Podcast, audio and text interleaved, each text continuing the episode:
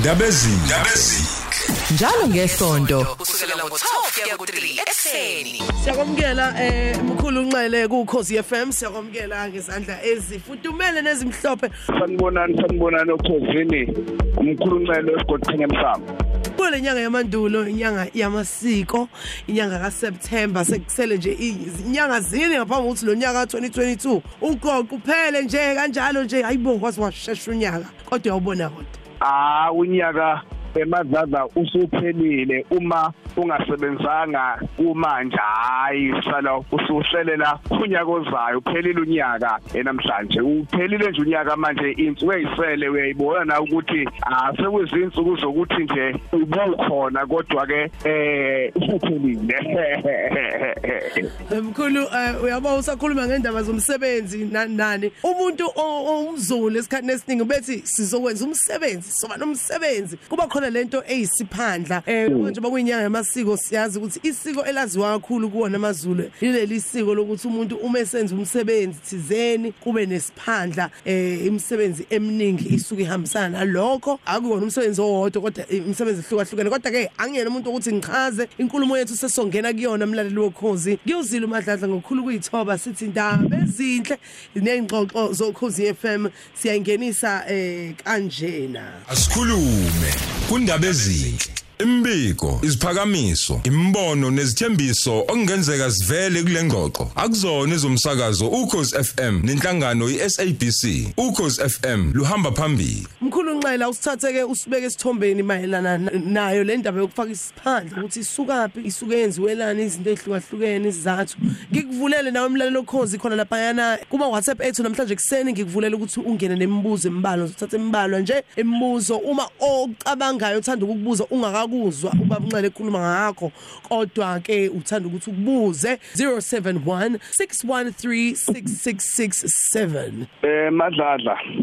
Ngizoke ngiqale ngincome kakhulu futhi eh, uma singena namhlanje kulomsakazo omkhulukazi sibuye sibongele intombi into ebezise emkhosini womhlanga namhlanje le engwavuma lapha bekukuhle khona kudelile singuzulu. Sithi awuyazi ayinhle into yethu singamazulu. Bese ke madladla ke siwelela kulesi kulolu daba lwesiphandla isiphandla into enkulu kuthina bantu abamnyama noma ungekuyena nje umzulu imvamisa isiphandla eh la thina abantu abamnyama sibaningi esisebenzisayo ngoba nakwaXhosa siya- siyasetshenziswa nakwezinye nje indawo sisetshenziswa isiphandla. Isiphandla ke madlaza sihlukene kabili. Eh ku- eh, kukhona isiphandla osifaka ngokwesiko ukuthi eh, mhla simpela umntwana uyofaka isiphandla kubo lapha azalwa khona ukuze ahlanganiswe nesidalwa noma nomsamo wakubo ukuze idalwa zakubo nasekhako mama wakhe zingabi umbango phezukwakhe lesiphandla ke usifaka nini na umntwana? Usifaka ngalesikhathi uyise esehambile wahlawula kwaba khona ingxenye yezinkomo ayikhiphayo eh ekhweni lakhe. Bese ke madladla ke lana ke kubo lapha zaba khona bese beyamcela kumntwana ukuthi akazofaka isiphandla ukuze bemhlanganise nezidalwa zala ekhaya. E- e- e, isiphandla sokuqala ke leso madladla esisuke sifuneka ekutheni sihlanganise ibonge ezimbili ikakhulukazi uma umntwana etholakale ngaphandle komshado. Kusuke kufanele ukuthi ahlanganiswe nesidalwa sakubo nesidalwa sasekhakonina ukuze izinto zakhe siqonde sithithwe kungabi nombango phekwakhe ngoba umntwana onombango madladla noma umuntu okunombango phezukwakhe wezidalwa noma womsamo noma wamadlozi eh into zakhe zima ndawonye bese kuba sengathi uyathakathwa noma izinto zakhe vele nje uzelwe ngokuthi aziqondi kanti cha akungoba zingaqondi into zakhe ukuthi uwelekwe amadlozi amabili ahlezi kuyena M- manje lamadlozi angahlanganisiwe phezukwakhe abikelwa ukuthi umntwana lo ozalwa ekhakonina kodwa abakubo sebekhiphile izinkomo kanje kanjena ke bese ke eh, bemfaka isiphandla. Bese kuba khona isiphandla madladla isiphandla mhlasimpe isiphandla sengcebo noma isiphandla eh sokuthuthuka empilweni esisuke esisuke esiyalazelwe umsamo leso siphandla ke madladla imvamisa yaso eh omunye umuntu uzokhumbula ukuthi mhlasimpe umelele ebusuku hawu. Usebona noma usephupha uzibona efaka iwashi noma uzibona enakhuzana efakwa isiphandla. Useyacakeka ke ukuthi manje leso siphandla sisho ukuthini engisiphuphayo leli washi engilibonayo njena ngigqoke esandleni lisho ukuthini na? Eh leso siphandla ke sisuke sifunwe isidalwa sakho isidalwa esingcwele noma isidalwa esiklini kuwena. Leso siphandla ke usuke uzosifakela ukuthi isidalwa lwasakho sivule ukhiye wena ongakazi usiwazi.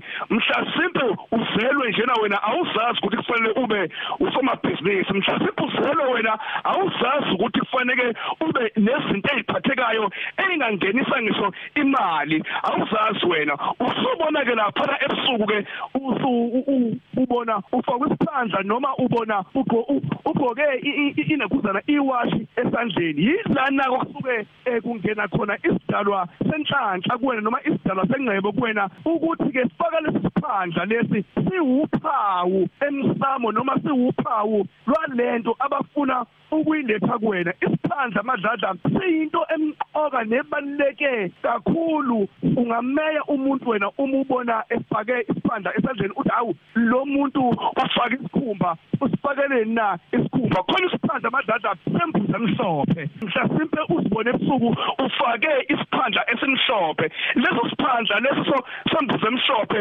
yilezi iphandla ke madladla eyihambisana nokuthi wena uzelwe nedlozi lengcebo noma uzelwe nedlozi lenhlanhla. Idlozi lengcebo yiliphi madladla na? Ngumuntu osuke ekade phila emhlabeni. Uma ephila emhlabeni mhlawumbe kade enezinto enamatrack ecebile elomuntu. Bese ke uma esedlule emhlabeni abe namandla emsamo ukuthi ingcebo ibikiyena uzoyishiya mhlawumbe kuyindodana noma kumzukulu noma mhlawumbe kumzala wakhe. Leyo ngcebo enjalo leso siphandla ke esimhlophe sisuke sivula ke inhlanhla mhlawumbe kakhokho mhlawumbe kamama mhlawumbe kababa owayehambe nayo eyicebele vele. Bese kuba khona isiphandla madladla sembuse bomvu.